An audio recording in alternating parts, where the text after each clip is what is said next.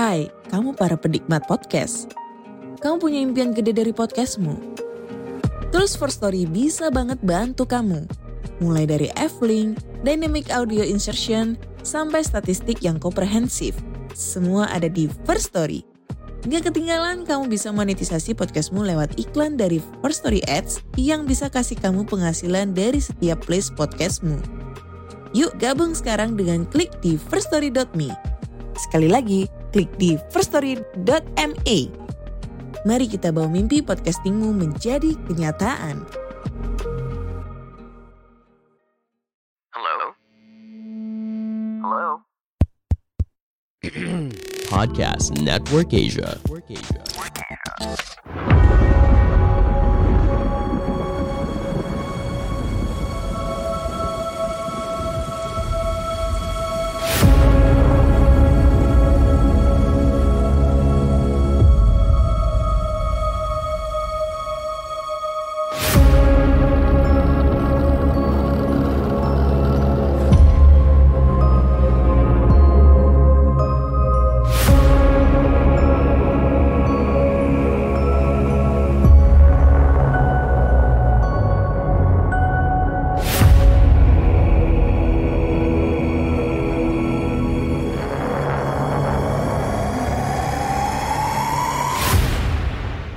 Halo semuanya, Eh, selamat datang di podcast dengerin horor.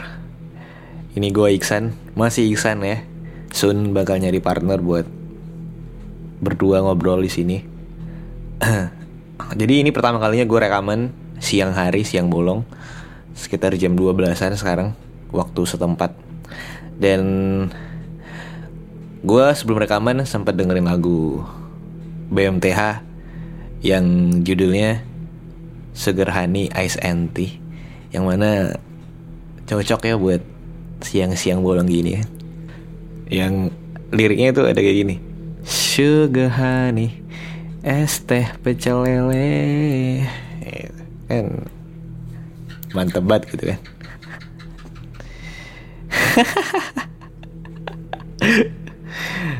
Disambut sama cicak men. Oke deh. Jadi kita bakalan bacain cerita horor em, lebih tepatnya short horror story dari akun Twitter @kairilmujar yang berjudul Aku ikut ke rumah Gunung Sumbing. Jadi ini perjalanan seseorang atau seorang laki-laki bernama Khairil Mujar dan teman-temannya yang mana mereka melakukan pendakian ke Gunung Sumbing yang katanya dari ceritanya dari prolognya ini aku ikut ke rumah ya mas. Itu kayak mungkin sesuatu yang ada di Gunung Sumbing yang pengen ikut ke rumahnya Mas Khairil ini. Ngeri banget anjir. oke kita mulai. Mau cerita tentang pendakian saya 2 tahun silam. 1 Maret 2020, tepatnya pukul 9.27, kita memulai pendakian. Saya mendaki bersama enam orang teman saya, di antaranya Apit, Devin, Igras, Jajai, Kabel, dan Milan. Buset namanya ke- keren-keren banget nih. Dari kabel dan AC Milan, klub bola. Oke, Apit, Davin, Apit, Devin, Igras, Jajai, Kabel, dan Milan. Berarti mereka tujuh orang ya total ya sama Mas Khairil Mujar ini. Kala itu pagi cukup cerah dengan sinar matahari pagi yang hangat menembus celah-celah awan yang merekat. Meredam sejuk dan dinginnya udara di Wonosobo. Sepertinya alam menyertai pendakian kita kali ini.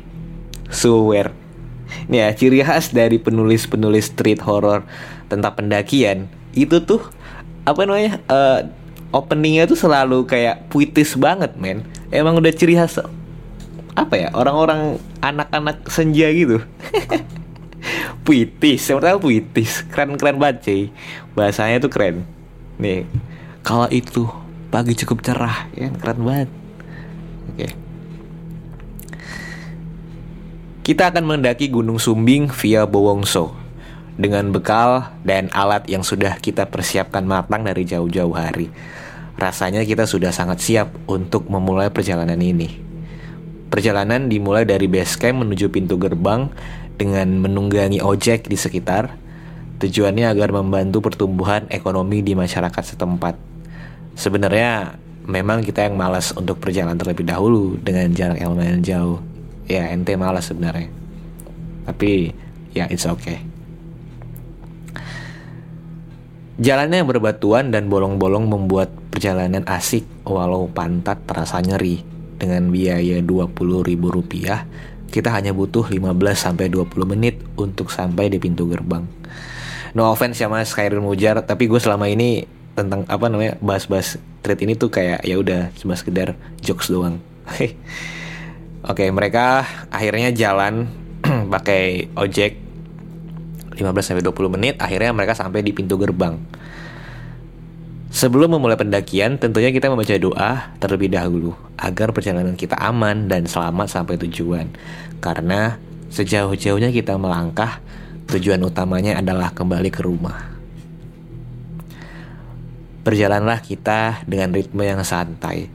Kita mau menikmati pendakian kali ini sekitar jam 11.30, satu jam dari pintu gerbang, rintik-rintik hujan pun mulai berjatuhan. Kita bergegas untuk mencari tempat perteduhan sekalian untuk beristirahat. Kita berteduh di sebuah warung bambu tua yang sudah milik, yang sudah mulai lapuk dekat gardu pandang. Oke. Sembari istirahat, kita bersiap-siap untuk memakai jas hujan. Kabel lupa kalau jas hujan dan celana yang ia pakai berwarna hitam. Yang mana di Gunung Sumbing kita tidak boleh untuk memakai pakaian serba hitam. Bel, tuker aja jas hujannya sama saya. Pakaianmu serba hitam. Ajak Devin yang tahu kalau itu dilarang. Gak usah, aku mau pakai ini aja. Jawab Kabel dengan egonya. Sebenarnya kita udah peringatkan oleh, sudah diperingatkan oleh orang base camp untuk tidak memakai pakaian serba hitam. Namun, Kabel tetap saja dengan kepala batunya. Sekarapmu wae wes. Saud Devin yang mulai kesal. Setelah istirahat yang lumayan lama, kita pun memutuskan untuk melanjutkan pendakian. Baru beberapa menit berjalan, Kabel mengeluh merasakan pegal-pegal. Makanya, kalau dibilangin gak usah ngeyel. Tegur Milan dengan rasa jengkel. Setelah itu pendakian kembali berjalan baik-baik saja. Singkat cerita, kita sampai di pos 2, sekitar abis asar. Mendirikan tenda, lalu kita mencoba untuk memasak dan bersih-bersih. Sempat ada kendala ketika memasak. Kompor kita sempat meleduk karena gasnya bocor. Setelah perut terisi penuh dan sudah bersih-bersih, kita pun harus istirahat untuk nanti malam memulai kembali perjalanan summit. Kita berencana untuk summit sekitar pukul setengah satu dini hari. Estimasi waktu ke puncak ya sekitar 4-5 jam. Oke, okay. mereka summit jam setengah satu dini hari. Semua tertidur pulas dengan nyenyak kecuali saya. Saya tidak bisa tidur sama sekali. Mata sudah susah payah untuk tertidur, namun mata saya tetap saja terjaga. Untung aja ada Devin yang menemani saya mengobrol. Setelah saya dan Devin berbincang banyak hal, saya merasa harus tidur karena takut nanti malam saya merepotkan yang lain. Ketika mencoba memejamkan mata kembali, saya merasa ada yang menggoyangkan tenda. Ah, mungkin itu hanya angin aja. Dalam hati saya dengan keraguan. Sudah mau mendekati alam mimpi, Terasa ada sesuatu yang menggaruk tenda, seperti kuku-kuku jari yang bergesek dengan kain tenda. Srek, srek, srek gitu. Suara gesekan dengan perlahan. Kalian tahu lah ya. Coba kalian uh, rasain suaranya kayak gini deh. Kalau misalnya kalian denger, kalau misalnya kalian dengerin episode ini sambil baring di kasur, kalian bisa coba digesekin kuku kalian ke guling atau ke bantal. gesekin mungkin kira-kira kurang lebih kayak gitu lah ya suaranya ya serak-serak gitu. Nah satu dua kali saya coba acuhkan dan berpikir itu mungkin masih angin. Namun itu terus berlanjut sampai ketiga kalinya saya paksa pejamkan mata saya secepat mungkin. I mean serapat mungkin. Gak peduli saat itu juga saya harus tidur. Karena udah takut banget. Jadi nggak peduli. Pokoknya gue harus tidur itu kayak di pikiran mas Karen Wajar ini pokoknya gue harus tidur. Gue harus tidur gitu kan. Nah tapi di sini Devin masih terjaga dan ngobrol dengan pendaki lain saya mau sumit siangan aja deh gampang sumit di gunung ini mah Celetuk Devin dengan nada meremehkan. Dijaga mas ucapannya, jangan pernah meremehkan alam. Tegur pendaki itu. Kita ini hanya tamu mas. Sambungnya sambil memegang kaki Devin. Devin merasa malu atas apa yang dia ucapkan. Igras menemani Devin yang sudah sendirian ketika hendak beranjak ke tempat tidur Kabel terbangun dan minta ditemani untuk buang air besar. Baru aja keluar tenda, Kabel melihat ke arah pohon besar. Ada sesuatu yang menggantung. Sebenarnya Igras dan Devin juga melihatnya, namun berusaha diam. Malas ah, ditahan aja. Udah masuk lagi tainya. Refleks kabel ketika melihat ada yang menggantung di sana. Gak apa-apa Bel, itu mah cuma jas hujan pendaki yang digantung. Igras berusaha meyakinkan, walaupun itu berbentuk jas hujan saja tidak. Sebelum mendaki kita sudah mengecek apakah headlamp berfungsi atau tidak. Sayangnya, sebelum summit yang berfungsi hanya tiga headlamp saja. Terpaksa kita berjalan dengan penerangan yang sangat kurang bagi sembilan orang. Ditambah sepupu dan teman sepupunya Apip. 0030 kami bersiap untuk summit. Kita punya dua pilihan. Melewati tanjakan Siginal atau tanjakan PHP. Kata orang base camp, ambil jalan ke kiri kalau mau lewat tanjakan PHP.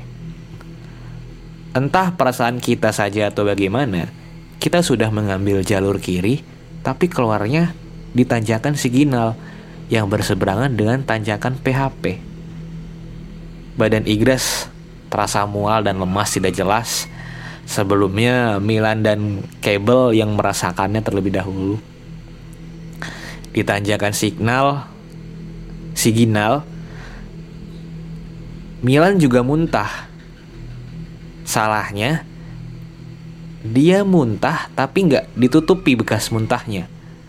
Nah, mulai dari situ Milan terus-menerus merasakan mual dan muntah. Dan gak lama dari situ punggung gunung sudah mulai terlihat. Igras seperti merasakan halusinasi. Pit, kok saya kalau lihat pohon bisa jadi dua atau satu bahkan tiga ya? Tanya Igras berubah-berubah gitu. Lanjutnya dengan kebingungan. Cuma kecapean paling. Jawab Apit berusaha menenangkan Igras. Tidak jauh dari tanjakan Siginal, Igras melihat samar-samar ada seseorang pendaki yang memakai pakaian jaket biru dan celana hitam. Dengan lampunya di kepala yang tidak menyala, turun ke bawah tanpa menggunakan alas kaki. Turun seperti tidak ada hentakan bahu, seperti sedang berjalan di atas eskalator. Jalan terus menerobos sabana. Padahal jalan di situ tuh zigzag. Hiraukan aja lem. Panggilan akrab Igras. Cuekin aja. Devin yang ternyata menyadarinya juga. Oh jadi si Igras ini uh, ngelihat orang yang eh, memakai pakaian jaket biru dan celana hitam. Nah, orang ini tuh ada lampu di kepalanya, tapi nggak hidup gitu. Terus dia ini turun, nggak pakai sandal, nggak pakai sepatu, dan turunnya tuh nggak ada hentakan bau, kayak kayak orang yang berjalan di eskalator gitu loh. Tadi gue gue gue soalnya tadi sempat nggak ngeh gitu kan, apa ini maksudnya? Nah jadi akhirnya gue ngeh gitu. Oh ternyata si Igras ini ngelihat orang gitu. Wah, ternyata si Devin juga sadar. Berarti ini bukan halu. Perasaan Igras yang ia pendam dalam hati. Dari situ Igras merasa pusing dan mual. Istirahatnya jangan di sini, Lem. Nanggung. Ajak Devin untuk tidak istirahat di pos 3. Cetek, cetek, cetek, cetek. Kayak bunyi tombol center gitu ya, di klik-klik-klik gitu. Apit yang sedang iseng main-main dengan senter tidak sengaja melihat sekelebat bayangan, seperti ada yang berpindah tempat. Astaga Gras, lu nggak lihat kan? Refleks Apit yang berharap itu hanya angannya saja. Jalan aja Pit, saut Igras yang ternyata udah memendamnya juga. Kemudian pukul 05 lewat 6 kita sampai di atas. Puncak sejati namanya. Setelah berfoto-foto menikmati indahnya lautan awan dari ketinggian, saya, Igras, Apit, dan Kabel memutuskan untuk lanjut ke puncak yang lebih tinggi. Puncak Raja Wali. Sisanya tetap tinggal di puncak sejati karena alasan fisik dan dingin yang sudah menyelimuti tubuh mereka saya sempat tidak sengaja menginjak salah satu makam yang ada di sana. Saya langsung meminta maaf karena saya benar-benar tidak melihatnya. Setelah itu kita turun bareng-bareng lewat tanjakan PHP. Kita bertuju foto-foto dahulu di sabana dan terpisah dari sepupu dan temannya sepupu Apit. Mereka jalan terlebih dahulu. Kita terpecah lagi menjadi tiga bagian, Apit dan Milan berada di depan, saya di tengah, Igas, Kabel, Devin, dan Jajai di belakang.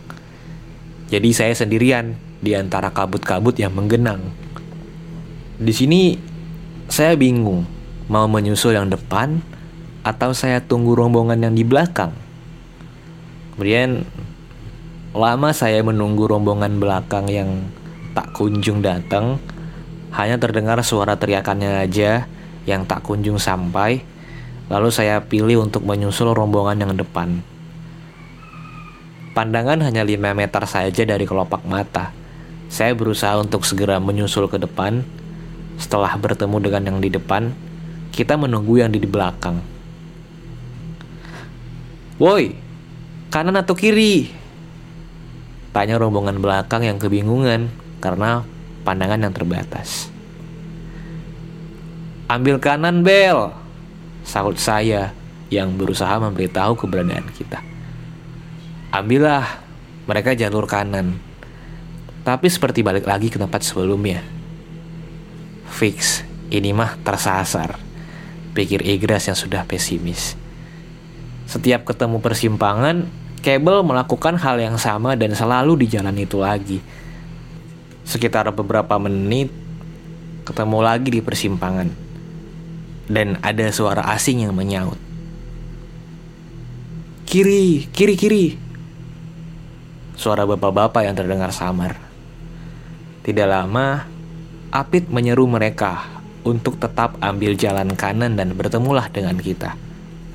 Kemudian istirahat sejenak, lalu kita harus cepat untuk kembali ke tenda sebab hari udah mulai sore. Setelah berunding, saya dan Milan mencari jalan di kala kabut masih terasa. Ketika sampai di persimpangan, ada dua jalur yang bercabang. Mau pilih kanan atau kiri? Ambil kanan atau kiri? Teriak saya dengan berharap ada yang menyaut. Terus ada yang nyaut. Kiri! Suara berat, seperti bapak-bapak yang menjawabnya. Kanan atau kiri? Tanya saya lagi dengan keraguan besar. Kanan! Saut suara bapak-bapak itu lagi. Saya dan Milan makin bingung. Yang bener aja. Kanan atau kiri? Tanya saya sekali lagi yang sudah mulai sangat kesal. Kamu putar balik, lalu kembali lagi ke atas. Namun kali ini suaranya lebih berat dan menggema. Kita terdiam dan termenung.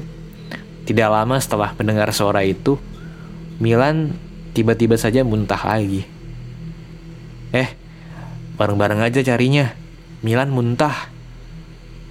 Teriak saya ke teman-teman yang sudah menunggu di belakang. Ketika mereka berjalan menyusul saya,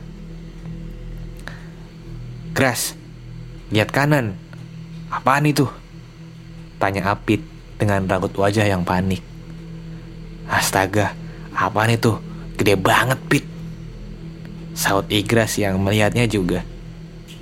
Terlihat samar-samar, Igras dan Apit melihat seperti sosok badan hitam yang besar dengan bentuk menyerupai pohon terlihat di antara celah-celah kabut yang menghadang. Setelah melewatinya, mereka menengok ke belakang. Ternyata memang tidak ada pohon di sana. Karena kita masih berada di dekat sabana yang jarang ada pohon besar. Setelah kembali bersama-sama, sepupu Apit menghampiri kita dengan kebingungan. Loh, kok kalian lewat sini? Tanya sepupu Apit dengan keheranan. Ternyata jalur yang kita lewati adalah jalur yang terhalang alang-alang yang tinggi dan tidak mungkin pendaki melewati jalur itu. Sepupu Apit memberitahu kalau kita keluar dari arah timur, sedangkan jalur kita ke atas itu lewat utara.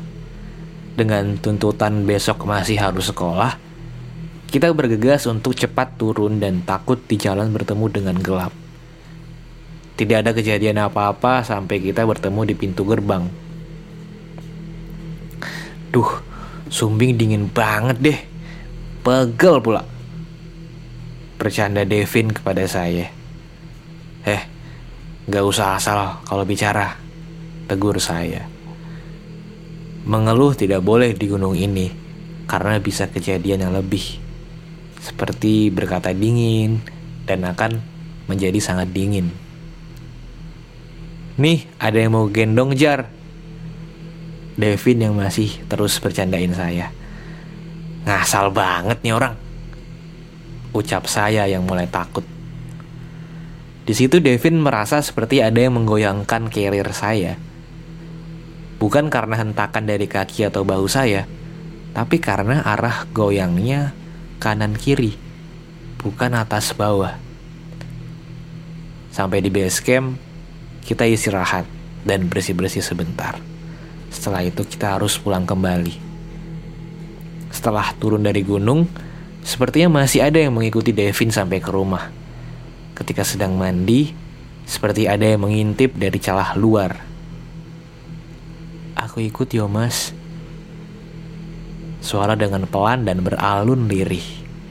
Aku ikut yo mas dengan perawakan perempuan yang memakai baju putih lusuh, bercorak kecoklatan kotor, dengan rambut panjang kusut yang menilik ke arah Devin. Sontak Devin merasa panik dan mempercepat mandinya. Devin bercerita kepada ayahnya tentang kejadian-kejadian yang ia alami selama mendaki dan yang baru saja terjadi. Makanya, kalau di alam tuh yang sopan, tegur ayahnya. Kita ini cuma tamu, harus menghargai yang sudah dahulu berada di situ. Sambung ayahnya. Tidak hanya Devin, setelah dari sana, Milan tidak bisa makan nasi selama tiga hari. Dipaksa pun akan keluar lagi. Kita bertanya ke orang base camp dan disuruh untuk memakan madu yang sebelumnya diberikan ketika kita mendaki. Sekian cerita dari saya. Jika ada penuturan kata dan pengucapan yang salah, mohon dimengerti dan dimaafkan. Tujuan saya membuat cerita ini bukan mau menunjukkan seberapa seram cerita saya, melainkan ingin mengingatkan jika pergi ke suatu tempat, kita hanyalah sebagai tamu di sana. banyak pelajaran dan hikmah yang saya dan kawan-kawan dapatkan dari perjalanan ini. Petik banyak positifnya, kubur dalam sisi negatifnya. Akhir, mendaki bukan hanya soal kita menggapai puncak, karena esensi sebenarnya bukan berada di ketinggian, melainkan seberapa baik kita menghargai alam. Saya pamit, kita bertemu nanti di cerita lainnya. Gokil, gila men. Khairil Mujar, lu gokil ya. Dari ceritanya gue sangat ter apa ya terinfluence ya.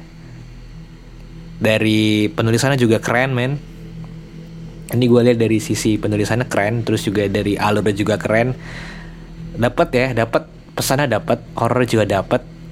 dari tadi yang terakhir kalau si apa namanya si Devin ngelihat kalau tasnya atau carriernya si Hairil Mujar ini kayak ada yang gendong gitu ya sih kayak ada yang numpang gitu istilahnya soalnya yang harusnya kalau misalnya uh, lu pada pakai tas atau gendong tas seharusnya kan kalau tas itu kan kayak goyang-goyang gitu kan kayak dari atas ke bawah atas bawah. Goyang-goyang kan atas bawah kan.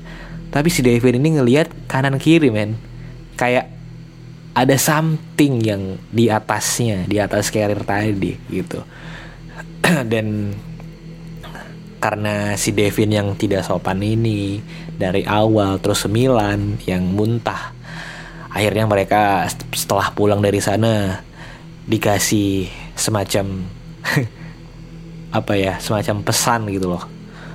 Peninggalan dari dari Gunung Sumbing tadi orang apa nih uh, kayak penunggu di Gunung Sumbing tadi.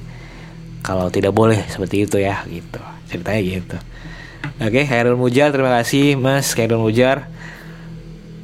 Ciri khasnya mantep banget sih. Dari awal udah kelihatan bahasanya keren terus terakhirnya juga keren closingnya juga keren emang namanya Khairul tuh biasanya ini apa penulis handal gitu kan. Khairul Anwar penulis puisi gitu kan. Khairul Mujar penulis street. Oke okay itu mungkin akhir dari episode ini teman-teman. Um, aku Iksan.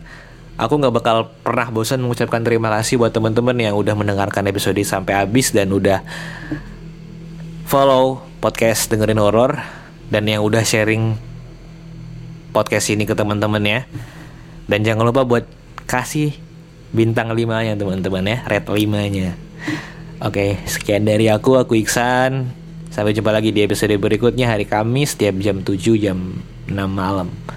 Bye. Pandangan dan opini yang disampaikan oleh kreator podcast, host, dan tamu tidak mencerminkan kebijakan resmi dan bagian dari podcast Network Asia. Setiap konten yang disampaikan mereka di dalam podcast adalah opini mereka sendiri dan tidak bermaksud untuk merugikan agama, grup etnik, perkumpulan, organisasi, perusahaan, perorangan, atau siapa pun dan apa pun.